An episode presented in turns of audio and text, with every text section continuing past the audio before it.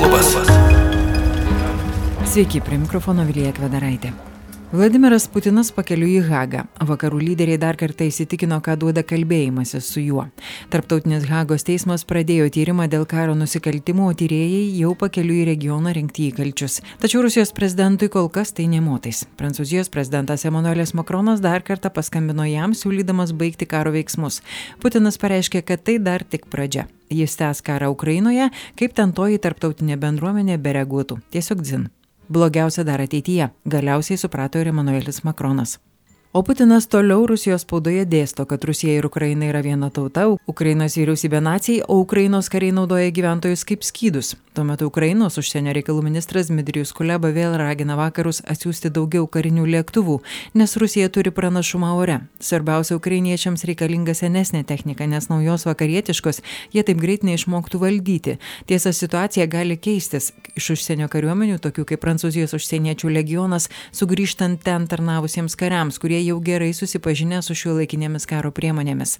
Tuo metu be gailėšio bombarduojami civiliai lyg ir gauna šansą. Ukrainos ir Rusijos pareigūnų dėrybos ketvirtadienį baigėsi susitarimu dėl humanitarinių koridorių sukūrimo. Nors visi žino, ko verti Rusijos duoti pažadai, tad kol tai nepradėjo veikti, džiaugtis neverta.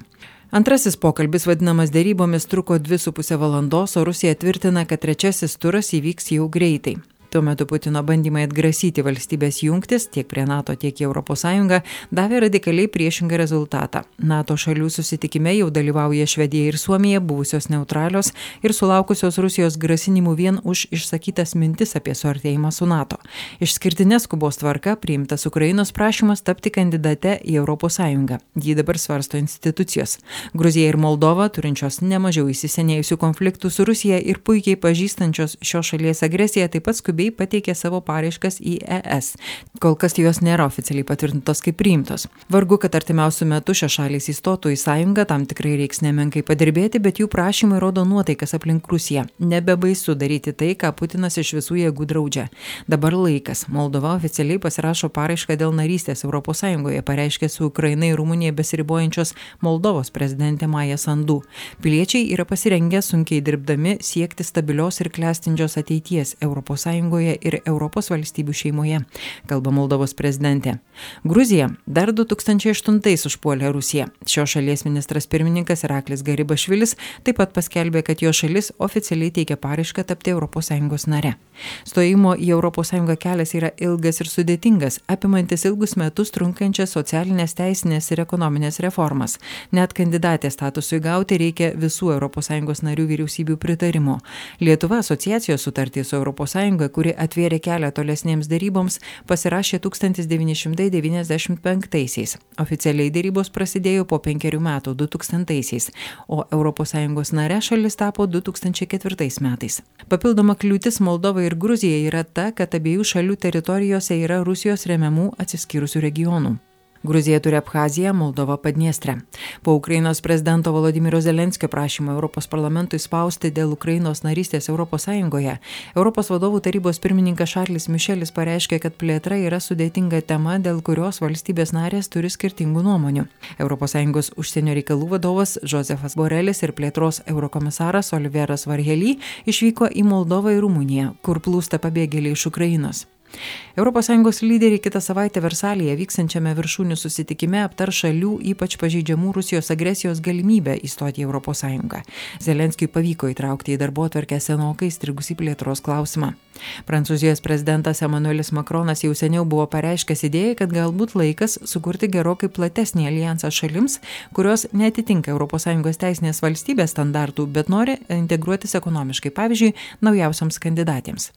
Bet kuriuo atveju ES kaip niekada vieninga prieš sankcijas, Prieš sankcijas nestojo net Vengrijos Viktoras Orbanas, geriausias Putino draugas ES, o ES traukia vis naujas sankcijas. Kai kas sako vis dar nepakankamas, o kai kas, kaip Lietuvos prezidentė Dalė Grybauskaitė, kad iš vis sankcijos nieko nepakeis. Putiną reikia nugalėti tik mūšio laukia. Bet kuriuo atveju yra besiūlinčių, kad taikomos sankcijos paversinčios Rusiją vėl SSSR be jokio prieimo prie bet kokio vakarietiško dalyko ir dar su nacionalizuotu turtu, pavyzdžiui, Londone, privers jo aplinką imtis veiksmų. Trūko kantrybė ir oligarchams. Rusų verslininkas Aleksandr Konanikin už Putino galvą siūlo milijoną jav dolerių. o įtakingas JAV senatorius Lindsey Grahamas paragino, kad kas nors Rusijoje nužudytų prezidentą Vladimirą Putiną. Vienas didžiausių rūpešių - dezinformacijos rautas, kurio aptemdytos Rusijos gyventojų galvos. Gyvenantys alternatyvioje planetoje žmonės vis karščiau palaiko Putiną, kovojantį dėl Rusijos, kurią puola visas pasaulis dabar jau ko gero. Tad galiausiai imtasi ir realesnių veiksmų. Kovo antrąją ES sustabdė Rusijos valstybinių žiniasklaidos priemonių Sputnik ir Today transliaciją ES. Teigiama, kol bus nutraukta agresija prieš Ukrainą ir kol Rusijos federacija bei su jie siejimo žiniasklaidos priemonės nustos vykdyti dezinformacijos ir manipuliavimo informaciją veiksmus.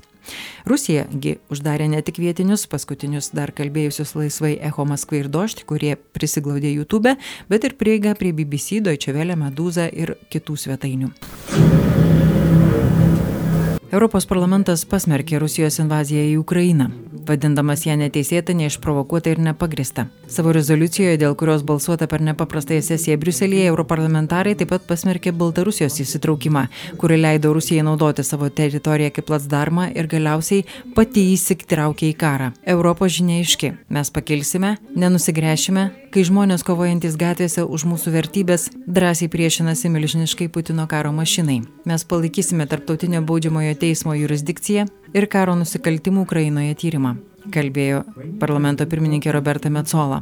Mes dovili savo silų, dovili, kad mes, kaip minimum, tokie sami, kaip jūs. Mes įrodėme, kad mes mažiausiai esame bent jau tokie patys kaip jūs, Europos parlamentui kalbėjo Volodimiras Zelenskis. Tam tikri Rusijos bankai atjungti nuo SWIFT sistemos tiesa vis dar ne visi ir ne pagrindinis Berbank, nors Lietuva ir Lenkija ragina tai padaryti. Sandoriai su Rusijos centriniu banku draudžiami. Pirmą kartą istorijoje ES skyrė paramą ginklams - pusę milijardo paramos paketą Ukrainos ginkluotosioms pajėgoms skirtą įrangai ir reikmenims finansuoti. Visų rūšių Rusijos oro vežėjams uždaryta ES oro erdvė ir patekimas į oro uostus. Įvairios sankcijos asmenims ir subjektams, kurių sąrašas nuolat plečiamas. Visos sankcijos galioja ir Baltarusijai, jau aktyviai įsijungusiai į karą. ES išaldė ir Vladimiro Putino bei užsienio reikalų ministro Sergejaus Lavrovo turtą. Tik kažin, kad jie savo vardais visus rūmus ar sąskaitas deklaravę, todėl surasti tai nėra paprasta. Sankcijų sąrašas auga, prie jų jungiasi beveik visas pasaulis išskyrus gal kelias marginalės. Netgi Kinija nusisuka nuo Putino. Kinijoje įsikūręs Azijos infrastruktūros investicijų bankas pranešė planuojanti sustabdyti su Rusija ir Baltarusija susijusi finansavimą.